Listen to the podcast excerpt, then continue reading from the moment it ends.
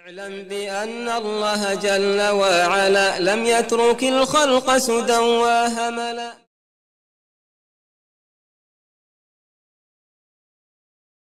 بسم الله الحمد لله الصلاة والسلام على رسولنا. استعين بالله لا حول ولا قوة إلا بالله.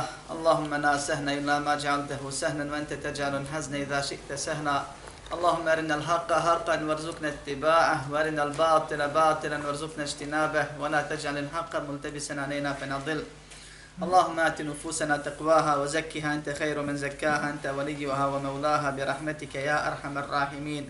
ربنا لا تزغ قلوبنا بعد إذ هديتنا وهب لنا من لدنك رحمة إنك أنت الوهاب. اللهم اجعلنا هداة مهتدين غير ضالين ولا مضلين. اللهم إنا نعوذ بك من أن نشرك بك ونحن نعلم ونستغفرك لما لا نعلم اللهم يسر ولا تعسر اللهم بارك وتمن بالخير أما بعد sva hvala i zahvala pripadaju samo Allahu, gospodaru svih svjetova.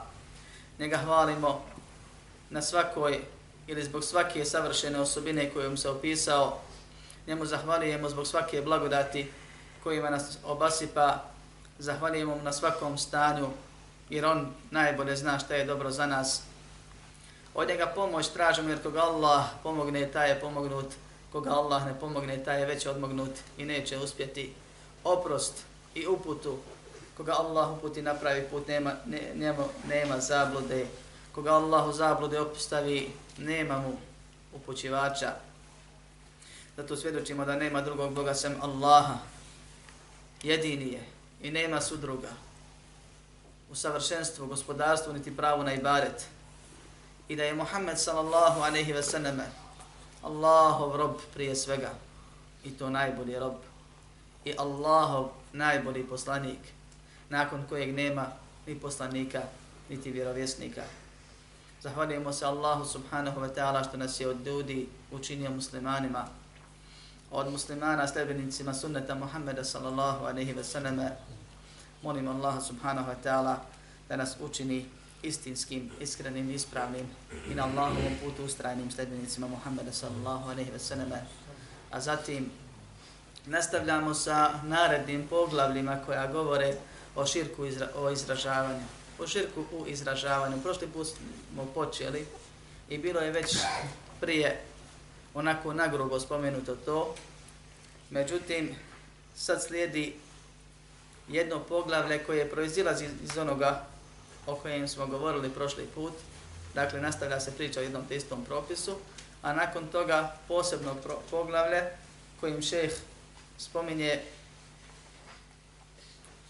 po naslovu i po dokazima direktno jedno od vrsta, jedan od oblika koji je u doba Muhammeda sallallahu alaihi ve sellem bio rasprostranjen kod Arapa širka u izražavanju šeh, rahimahullah, bio je nadahnut time da neku temu nekad na 5-6 mjesta spominje i svaki put novi, novim načinom pristupa toj temi i nove dokaze uvodi i kao da se sjeti, jer šeh je pisao poslanicu dok je bio na putu, na putovanju, kao da se sjeti nove šubhe koje bi mogao neko da prigovori, pa onda još više razradi tu stvar novu. Tako da nakon nekoliko ovih poglavlja čovjeku ne ostane ni jedna sumnja je li to zaista zabranjeno, je li to zaista toliko opasno, je li to zaista širk i da li i ovo i ono od riječi koje su česte na jezicima muslimana spada zaista u taj veliki grije. Pa kaže, i počet ćemo sa ovim poglavljem koji prethodi, prošli put smo govorili i tumačili poglavlje koje nas je naziv po naslovu, po ajetu. Fala taj'alu lillahi andaran wa antum ta'lamun. Nemojte Allahu činiti sudruge. Nemojte Allahu nikoga ravnim smatrati, a vi već znate. Pa je šeh tu spomenuo dvije vrste širka u izražavanju. Jedna je zaklinjanje nečim sam Allaha subhanahu wa ta'ala ili nekim sam Allaha subhanahu wa ta'ala, a druga je baš onako kako, kako je u skladu sa definicijom širka u izražavanju, to jest malog širka u izražavanju, jer to je tema prije svega, a to je da čovjek nenamjerno i bez nijeta kaže rečenicu iz koje se razumije ono što on nije htio reći a to je poređenje Allaha sa nekim ostvarenja ili poređenje nekog ostvarenja sa Allahom i to ne u svemu, to će slabo ko reći, nego u jednoj od Allahovi subhanahu wa ta'ala posebnosti. Bilo se radi o osobini ili pravu ili Allahom subhanahu wa ta'ala dijelu. Da čovjek kaže rečencu poput spasio me Bog i doktor, pa kaže i doktor i kao da pripisuje spas dvojici na jednakom nivou. Iako taj čovjek zna da ga je doktor spasio zato što je Allah odredio. Ali je nesvjesno izrekao rečenicu kojom je uporedio doktora sa Allahom. Jer Allah je taj jedini koji spašava, Allah je jedini koji lijek daje i tako dalje. Pa je to širk u izražavanju koji u osnovi spada u skupinu malog širka, jer se širk dijeli na veliki i mali. Veliki onaj širk koji je pravi, stvarni, koji izvodi čovjeka automatski izvjere, dok je mali širk svako dijelo koje ne izvodi izvjere, a u kome se ili riječ ili ubjeđenje, a koji je od strane Allaha subhanahu wa ta'ala i njegovog poslanika Muhammeda sallallahu alaihi ve selleme nazvan širkom. Pa kaže šeheh, nakon što je već bilo govora o te dvije vrste općenito, kaže šeheh, bab ma džae fi men lem jakna bil halifi billah. Poglavi o tome, ili o onome, ko ne bude zadovoljan nakon što mu se zakune Allahom. To jest kakav je propis osobe koja nije zadovoljan, koja nije zadovoljna nakon što čuje zakletvu Allahom subhanahu wa ta'ala. Komentatori kažu čovjek na jedan od dva načina može biti nezadovoljan. Prvi način je da nije zadovoljan da mu se kune Allahom, nego traži da se zakune nekim drugim. I to je poseban problem. I u osnovi je to mali širka, može biti veliki. A drugo je ono što je ciljano poglavljen, je da u nekim prepirkama, raspravama, parnicama, suđenjima i tako dalje, čovjek bude upitan, optužen, potvoren, pozvan kao svjedok i tome slične stvari i zakune se Allahom subhanahu wa ta'ala kao potvrdom da je istina ono što govori, bilo u svoju odbranu ili tuđe svjedočenje drugome, pa mu ovaj drugi neće da vjeruje i to ne smatra bitnim. Nego ga potvara da laži. Sad je šeh u ovom pogledu samo jedan hadis spomenuo Gdje Allahu poslanik sallallahu aleyhi ve selleme kaže La tahlifu bi abaikum. Faman halafa billahi fal yastuq. ومن حنف له بالله فليرضى ومن لم يرضى فليس من الله Nemojte se zaklinjati svojim očevima. Nemojte se zaklinjati svojim predsima. Ko se bude zaklijeo Allahom, neka istinu govori. A onaj kome se neko zakune Allahom, neka bude zadovoljan. Jer ko ne bude zadovoljan, taj nije od Allaha. To jest, taj nije pravi Allahov. S obzirom sam prošli put spominjao neke dokaza i može neko pomisliti da to nije dovoljno i da mi nemamo dovoljno argumenta, posjeću nas uz dodatak novih dokaza na to da je ispravno mišljenje, a da ima razilaženje kod islamskih učenjaka. Da li je zaklinjanje nekim sam Allaha zabranjeno ili nije? Da je ispravno mišljenje da je to zabranjeno. Jer ima dio malikijskih i dio hanefijskih učenjaka koji tvrde da nema smetnje u tome da se neko zakune babom, na primjer, ili nekim drugim. Dokaz zato su im hadisi. Dva hadisa koje bileži niko drugi nego ima muslim u svom sahiju. Gdje se poslanik sallallahu a nehi veseleme dva puta zakleo ocem svojim ili tuđim. Po, rivajet poznatog hadisa koji bilježe Buharija i muslima, ali ovo je muslim, jedan od rivajeta u muslimovoj zbirci. Jedan od prenesenih puteva. Kada je došao onaj čovjek iz Nežda i pitao poslanika sallallahu alejhi ve selleme o osnovama islama. Pa ga poslanik sam sem podučio da mora samo da klanja pet vakat namaza I to je jedan od dokaza da sve osim pet farzova nije obavezno. Jer pita ga taj ashab, je li išta drugo mi obavezno? Kaže ne, osim ako hoćeš od sebe dobro da dodaš. Pa mu spomene poslanik sallallahu alejhi ve sellem post mjesec Ramazana. Pa ga pita, jel moram ništa više? Kaže ne, osim dobrovoljno od sebe da dodaš. Pa mu spominje poslanik sallallahu alejhi ve sellem i zekat. Pa ga pita, ashab, jel moram još nešto? Kaže ne, osim da od sebe, kao na filu dodaš. Pa se okrene čovjek i kaže, Wallahi, la ezidu ala hada wa la enkus. Allaha mi neću na ovo ništa dodatni oduzeti. Pa je u poznatim rivajetima došlo, aflaha in sadaq ili dehala al džennete in sadaq. Uspjeće ako bude istinu rekao, ako ustraje na ovome. Uspjeće, ući će u džennet. U drugom rivajetu ako bude. U jednom od rivajeta vjerodostojnih od muslima, kaže poslanik sallallahu alejhi ve selleme: "Wa abika aflahan sadaq." Tako mi tvoga oca ili njegovog oca uspjeće ako bude istinu rekao.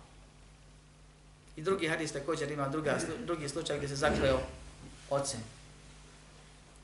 Pa kako sad mi ko su netlije hadis vjerodostojno muslimo o zbirci, a tvrdimo suprotno onome što u ovim hadisima stoji. Kaže Allahu poslanik sallallahu alejhi ve sellem hadis koji bliže Buhari od Omara. La tahrifu bi abaikum. Nemojte se zaklinjati svojim očevima. A u dodatku kod muslima, فَمَنْ كَانَ حَالِفًا فَلْيَحْرِفْ بِاللَّهِ أَوْ لِيَسْمُتْ A onaj ko se kune, neka se kune samo Allahom ili neka šuti. Dakle, prvo imamo hadis. Drugo, kao što je poznato iz historije Islama, da su mnoge stvari postepeno bivane, dolaze su određene zabrane nakon drugih, neke stvari su postepeno zabranjivane, neki propisi su mijenjani, pa je ispravno da je bilo dozvoljeno da se neko zakune nekim sam Allaha pod uslovom da to nije lažno božanstvo. Jer kaže poslanik sallallahu alejhi ve selleme ko se zakune i kaže nenamjerno tako mi late i uzate, su tako se cijeli život zaklinjali. Kad su islam primili, ostanemo neka to. Neka kaže la inaha in Allah. Tako će poništiti tu grešku. Riječi tevhida, nema Boga sem Allah. To je još jedan dokaz da se ne smije zaklinjati tim božanstvima. Ispravno je mišljenje među islamskim učinjacima koji kažu da je zabranjeno zaklinjanje nekim sam Allaha i da je bilo dozvoljeno pa je derogirano i da ti dokazi više ne vrijede. Jer je to bilo u početku Islama ili u prije, nije u početku Islama nego prije zabrane koja je kasnije došla. I zato kaže Omer, radi Allahu anhu, Wallahi nisam se zakleo, nisam se nakon toga nikad više zakleo ni namjerno ni nenamjerno. Nakon što ga je poslanik sallallahu alejhi ve sellem podučio kakav je stepen tog greha. Ispravno da je to širk. Na osnovu puno dokaza imaju hadisi koji su direktni, koji kažu da onaj ko se zakune nekom, nekim sam Allah, fakad ešrek, faqad kefara, ešrek u nekim drugim rivajetima, učinio je kufr ili širk. Kakav je to širk ili kufr? To je mali širk koji ne izvodi iz vjere. Osim ako se čovjek zakune onako kako se Allahom kune, vjerujući da će ga ta isti kaznit i naljutit se i da čuje i zna ako on laže ili ako on pogriješi ili ako on prekrši. I ovo nije neka teoretska stvar.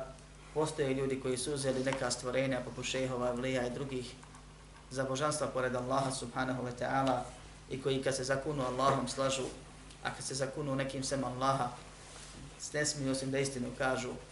I kad, im, kad ih se pita zašto tako radite, kažu Allah je sve milostan, on će oprostiti. A ovi su ipak ljudi, bojim se će se srditi, pa nam nema šefate, nema nam dženeta. Pa nas Allah sačuva neispravnog vjerovanja.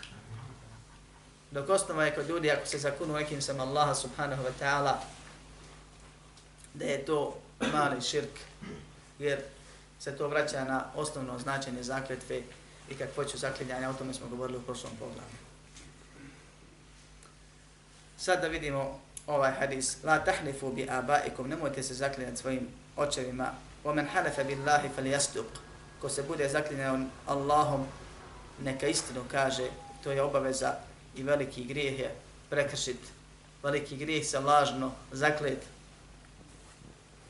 Allahom subhanahu wa ta'ala, znajući da čovjek laže, jer to spada u jeminul amus, onu zakletvu koja potopi čovjeka u grijeh na dunjalku i u džahennem na ahiretu, kao što je opisano, nas Allah sačuva od toga. وَمَنْ حُنِفَ لَهُ بِاللَّهِ فَلْيَرْضَ Ako se bude neko zakleo Allahom, neka ovaj koji to čuje bude zadovoljan. Ulema se razilazi, razilazi se da li je ovaj hadis objavljen po pitanju neke posebne situacije ili općenit na dva mišljenja. Prvi su oni koji kažu hadis je općenit. Kad god ti se neko zakuna Allahom, moraš da ne vjeruješ svojim očima, a da veličajući Allaha subhanahu wa ta'ala povjeruješ njemu. A drugi kažu, i na tome je većina islamskih učenjaka, da se ovo odnosi samo na sudu u parnicama. Na osnovu pravila koje je postavio, postavio poslanik sallallahu a nehi vseleme, da onaj koji tuži treba dovesti dokaze, a onaj koji je tužen dovoljno je samo da se zakune. Pa ako neko tuži je nema dokaza, to je svjedoka, a ovaj drugi se zakune, makar bio u pravu, na dunjaloku njemu ide, makar bio krivo taj što se zakleo, na dunjaloku njemu ide pravo, a on će to svakako da vrati onda kad bude najpotrebnije. I u toj situaciji čovjek mora da bude zadovoljan jer je tako šerijatsko pravilo. A može se desiti izuzetak da neko nečije pravo za, zakine i da zloupotrebi šerijat, ali neće pobjeći da Allahove pravde bilo na ovom ili na onom svijetu. Stoga, braćo moja, kad je u pitanju zaklinjanje, zaklinjanje Allahom subhanahu wa ta'ala je dozvoljeno. Mnoštvo zaklinjanja je pokuđeno i zabranjeno. Jer je zakljetva uzimanje za svjedoka onoga koga veličaš i čije se kazne i sržbe bojiš ako prekršiš. I Allah subhanahu wa ta'ala se ne zloupotrebljava tako što se stalno za svaku sitnicu kaže vallahi, tallahi, billahi i tako dalje. Jer onaj koga veličaš, ko, koga veličaš, njega poštuješ i paziš da ga za sitnice ne upotrebljavaš. Pa je pokuđeno često se zaklinjati Allahum subhanahu wa ta'ala. U potrebi je dozvoljeno ili pak obavezno kad se od tebe pravda zahtjeva da sebe ili drugog braniš. Onaj ko se zakune Allahom subhanahu wa ta'ala obavezan je da govori istinu. I obavezan je da učini kefaret ukoliko prekrši kasnije i ne bude se držao onoga što je zakleo. ili zašto se zakleo. Onaj ko se zakune nekom sam Allaha subhanahu wa ta'ala počinio je širk. Mali širk koji je veći grijeh od velikih grijeha. I zbog toga čovjek mora da ovo izbjegava a onaj kome se u parničenju na sudu zakune ili u situaciji kada je tako, znači gdje se dovode svjedoci poput suđenja, kad mu se zakune onaj koji je optužen, mora da mu vjeruje. U prilog ovome ide hadis koji bliži imam Buhari, da je Isa a.s. vidio čovjeka kako krade.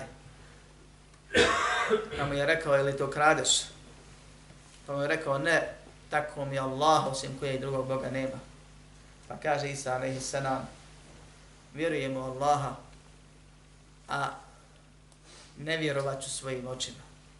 Potvorit ću svoje oči. Problema se razilazi u tumačenju ovog hadisa, šta je tačno bio razlog, da li je Isa, alaihi salam, znao da on laže, jer ga je pitao, je li to kradeš, ili jesi li to ukrao, ili Isa a.s. ostavio mogućnost da je bila opcija da je čovjek uzeo, da, vidio ga je da uzima tuđe iz zaštićenog, jer to je krađa sa mjesta koje se inače čuva. Međutim, možda ima neka opcija, njega htio pitati pa zašto uzimaš da li bio je zadovoljio se s njegovom zakletvom, jer možda ima dozvol od njega da uzme, možda, možda ne, ima puno opcija. Da čovjek već zaista nije ukrao. Međutim, njega dalje smio, ni htio ispitivati, veličajući Allaha subhanahu wa ta'ala čije se ime spomenulo, pa je rekao vjerujemo Allaha i negiram ono što su vidjeli moje oči. Ulema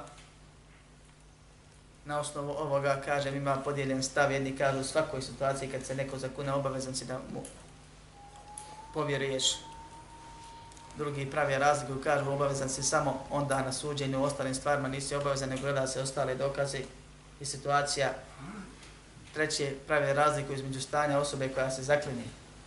Pa kažu ako je van suđena, na suđenju su složni.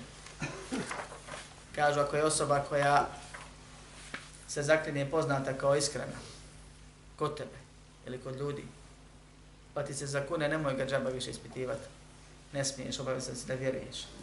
Također, ako ne znaš stanje osobe, ne znaš da je poznat po laži i nisi ga već prije hvatao laži, obavezno si da mu vjeruješ ukoliko je pak osoba poznata kao grešnik, kao lažov, kao čovjek koji puno se pravda, a često ko se puno pravda, puno neistine govori, da da je onda nije obavezan insan da mu vjeruje, nego ima pravo da dalje provjerava i ispituje. Allah najbolje zna. Nakon toga šeheh spominje drugo poglavlje u koje počinje sa riječima koje su jedan od izraza raširenih među Arapima prije i danas, a na osnovu ovog izraza se analogno tome tumače svi izrazi koji imaju isti, istu konstrukciju, isto značenje, isti razlog. Pa kaže, poglavlje o riječima maša Allahu wa šit. Poglavlje o riječima čijim? Riječima ljudi. Obično počinje sa riječima Allaha. Ovdje ne. Kaže što hoće Allah i ti. Što bude Allah htio i ti. I onda spominje nekoliko hadisa kao dokaz da je ova stvar i ovakav izraz zabranjen i da to nije bilo koja zabrana, nego da, se, da je u pitanju širk i da je to mali širk koji ne izvodi iz vjere. Ali je veći grijeh od velikih grijeha. Pa kaže, An kutele enne jehudijen ete nebije sallallahu anehi ve sallam fe kale innekum tušrikun. Tekulune ma ša Allahu wa šit. Wa tekulune wal ka'be. فأمرهم النبي صلى الله عليه وسلم إذا أرادوا أن يحلفوا أن يقولوا ورب الكعبة وأن يقولوا ما شاء الله ثم شئت Kaže, prenosi se da je jedan židov došao poslaniku Muhammedu sallallahu alaihi ve sallam pa rekao vi činite širk. A poznato je da Allah opisuje židove da u svojoj akidi imaju širk. I da neki od njih kažu zeri Allahov sin. I onda se nađu oni da dođu poslaniku sallallahu alejhi ve sellem i da muslimane upozoravaju na širk. I ovo je Allahov sunet na zemlji. Da ljudi koji imaju grešaka i grijeha i neispravnih svatanja nisu neuki. Nisu maloumni. Nego oni razumiju stvari i često znaju I imaju taj u sebi prezir bilo ko. Ovdje se čak i govori o grešnicima, ne samo o toj pripadnicima tije religije.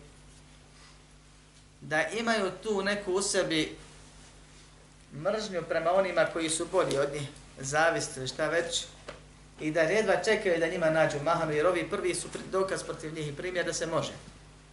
I da su skloni pored svih svojih grešaka, da kad nađu nekome ko se poziva na sunnet grešku, da ga napadaju kako vi su letli, radite to i to. Kako vi govorite o tavhidu, a vi imate širka. Kao što je slučaj ovaj. I to se često dešava. I ovdje imamo, znači, i način obhođenja sa takvima.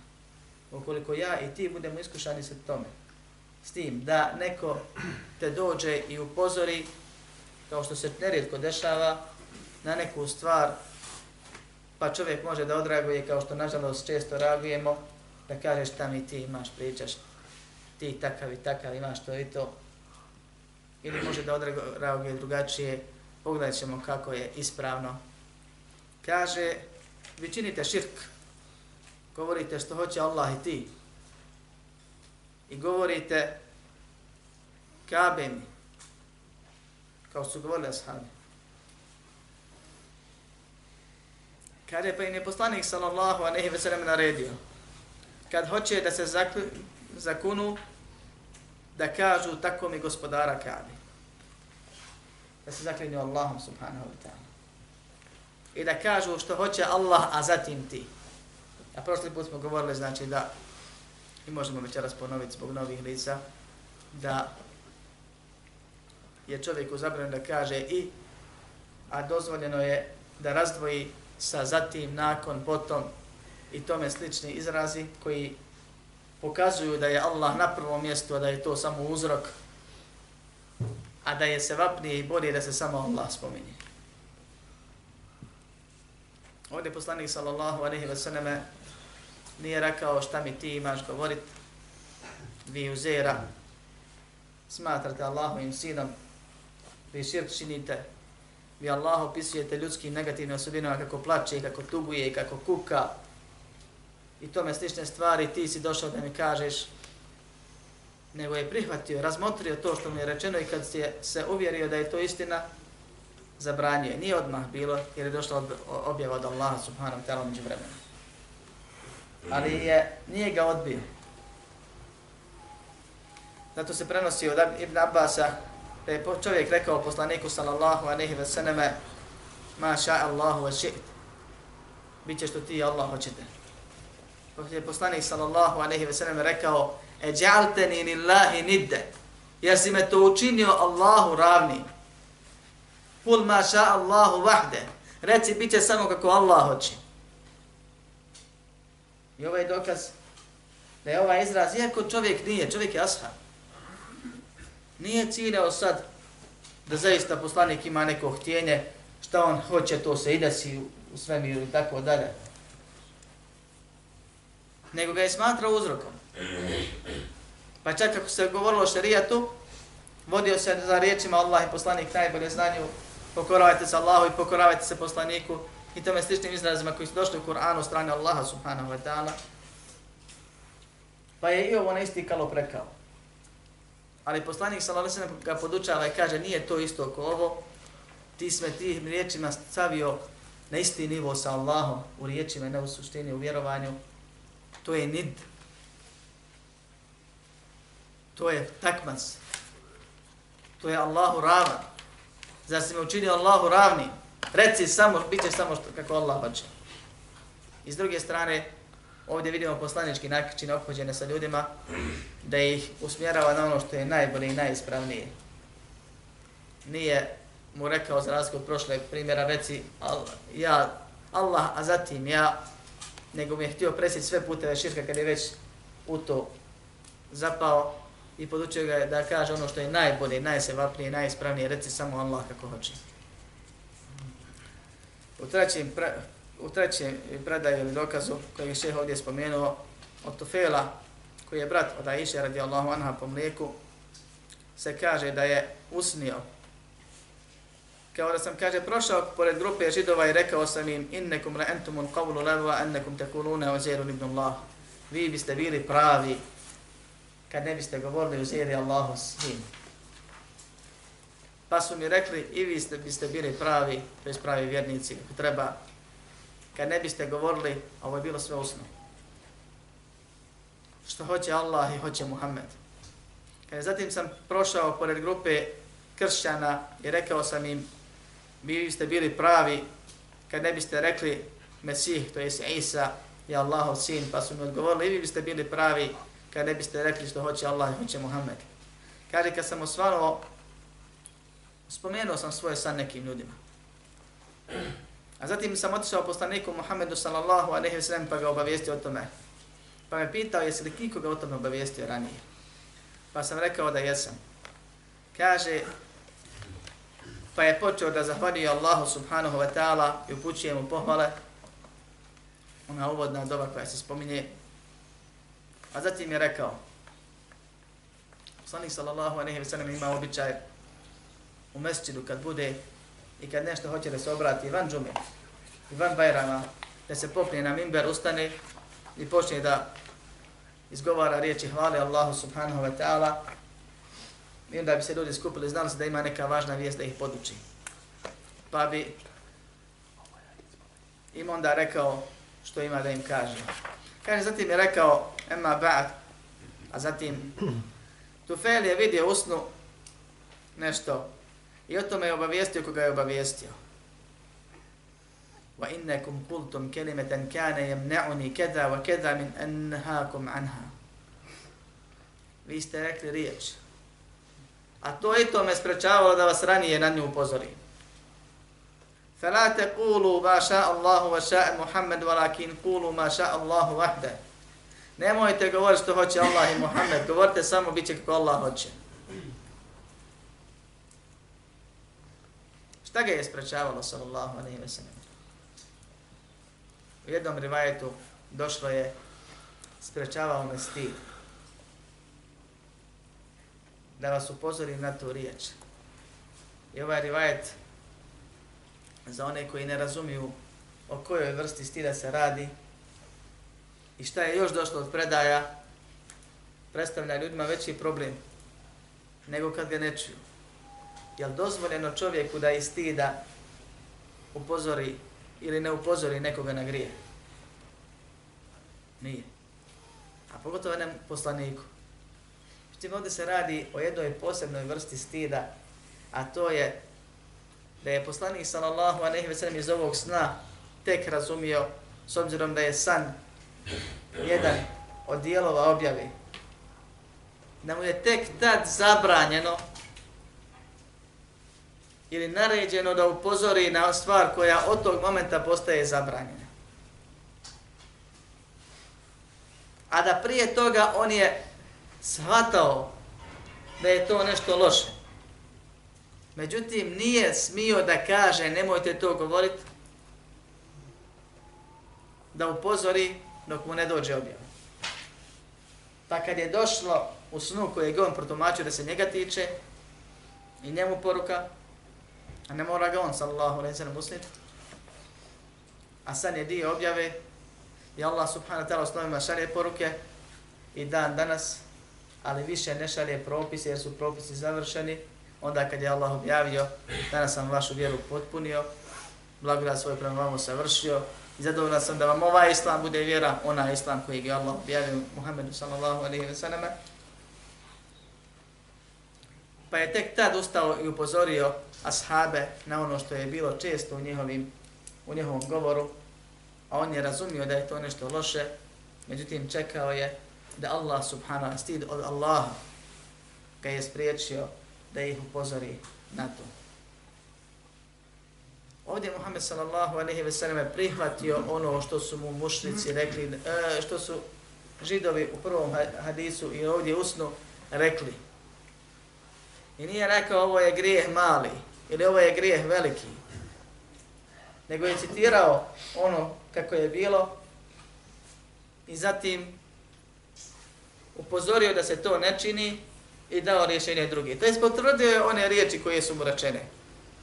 Kažu innekum tušrikun. Vi činite širk. I ovo je jedan od dokaza da je zaklinjanje nekim sam Allaha, jer tamo rečeno govorite i kabeli. I da je spoređenje Allaha sa stvorenjima u riječima bez namjere. Širk. Ali hvala Allahu mali širk koji ne izvodi izvjeri. Ali je to opasan i veliki grije. Ove i ovakve stvari, braću moja, se mogu samo naučiti one se ne mogu usmiti. One se ne mogu životnim iskustvom dobiti. Propisi vezani za tevhid i širk se uči. I zato je vama bitno da ljudi dolaze i da čitaju, da slušaju, da pitaju, da uče vjeru, da budu u kontaktu cijeli život s nekim koji ih podsjeća i podučava.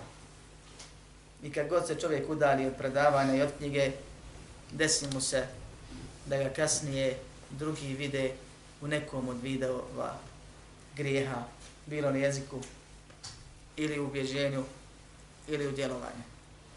I često ti grijesi budu akideske prirode, makar se on pozivao da je on čiste akide, jasnog menheđa i ne znam nija šta. Da nas Allah sačuva Također iz ovog hadisa se, pored ovog propisa koji je glavni cilj spominjanja, vidi bitnost snova. Da su snovi dio objave bili, i da su snovi poruke ili jedna od vrsta snova su poruke od Allaha robovima. I da čovjek ne treba da zanemari neke snove i da ih ne iznese. I ono što je bitno da se ulema složila na tome da nema propisivanja u snovima nakon smrti Muhammeda sallallahu alaihi wa sallam. Pa kad neko dođe i kaže usnio sam da mi je došao melek ili usnio sam da mi je došao neki čiko sjede brade i rekao ja sam Allahov poslanik i znaj da je duhan halal ili neka druga stvar, mi mu nećemo vjerovati i reći ćemo da taj čiko sjede brade ne odgovara opisu Muhammeda sallallahu alaihi wa sallam pa se na njeg ne odnosi onaj hadis kome vidi usnu stvarom me je vidio jer nije vidio Muhammeda, sam vidio nekog čiku sjede brade, prva stvar, a zatim reći ćemo mu da je to šeitan, pa makar je odgovarao opisu, jer Muhammed sallallahu alaihi wa sallam neće doći da nadograđuje ono što je Allah već upotpunio. I nikome nije došao od učenjaka da ga poduči nekom propisu, makar učenjak u tom propisu pogriješio, nego je ostalo svako na svojim mišljenjima. A kamo li da dođe nekom čovjeku i da mu dozvoli ono što je Allah subhanahu wa ta'ala zabranio, Allah kaže ne ubijajte sami sebe, ne bacajte svojim, se svojim rukama u propast, rasipnici su šetanova braća i mnogo drugih dokaza s kojih se može razumijeti da je duha, na primjer, haram ili neki drugi propis.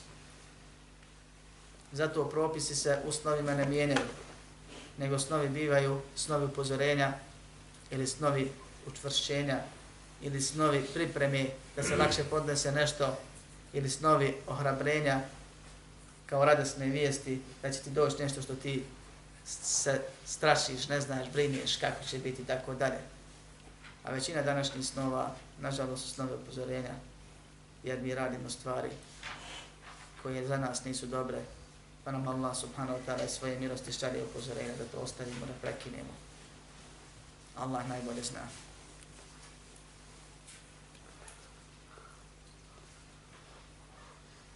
Širk u izražavanju ima puno svojih oblika i vrsta. Svaki vid ili svaka rečenica u kojem se Allah stavi na nivo stvorenja ili stvorenje stavi na nivo Allaha biva širk. Neka taj širk izražavanja bude veliki širk. Da dođe lik bosanskog porijekla malo poznat u svijetu pa ga to ponijelo uđe u slačioncu i kaže znaš li ti da je Bog došao u slačioncu? To je veliki širk koji izvodi iz ako je bio u vjeri prije toga. Da kaže, volim te ko Boga, ja ubi. I tome slične stvari. Također i kufr. Da čovjek musliman kaže, to ni Bog ne zna. Ili da se smijava i šali i govori na ubi bila Bogu iza nogu. I tome slične stvari. To su dijela, braćo moja, koja izvode izvjeri onoga ko to kaže i na to se treba paziti. Ovdje kad govorimo o malom širku izražavanju, mislimo prije svega na termine koje čovjek nenamjerno kaže, a mnoštvo je tih termina, poput onoga što Ibn Kajim spominje, da čovjek kaže da nije njega desilo bi se to i to, Bog i doktor, što hoćeš ti, ili što hoće Allah i taj i taj, što je dao Allah i taj i taj, sačuva me Allah i taj i taj. Sačuvalo me to i to. Pa spomeni neki sebe. A to nije uzrok, Allah je dao da to djeluje. Da kaže, imam Boga na nebu i tebe na zemlji. I neke slične izraze u smislu Bog me čuva, on je odredio, a ti si sebe ptaj. On lijepo misli, ali loše kaže. Sve to spada u djela koja su jako veliki grije, koja su mali širk. A kad se kaže mali, to je odnosno na veliki koji izvodi iz vjere. Ali kad se kaže širk, to je sam znak da je to dijelo koje je veliki grijeh i veći grijeh od velikih grijeha.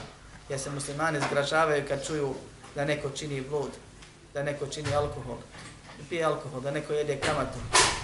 A ovo si, ovi su grijesi na većim stepenu kod Allaha od toga i opasniji jer Allah subhanahu wa ta'ala se mora veličati. Čovjek koji vjeruje i smatra Allaha velikim i koji Allaha upozna kroz njegove osobine, njegovo srce je ispunjeno veličanjem, ono što je na srcu pokazuje se na jeziku, braću moja. Pa njegov jezik poštuje Allaha u svakoj situaciji. Ne saklinje se često Allahom. Kad mu se zakune Allahom, spreman je da negira ono što je vidio, kamo ne nešto drugo. Kad priča ne poredi nekog sa Allahom, makar to bilo i nenamjerno, nego pazi šta govori. A pogotovo da priča ne do Bog viceve u kojima je bio taj i taj kod Boga, pa na kraju uvijek onaj grešnik bolje prođe od onog dobroga.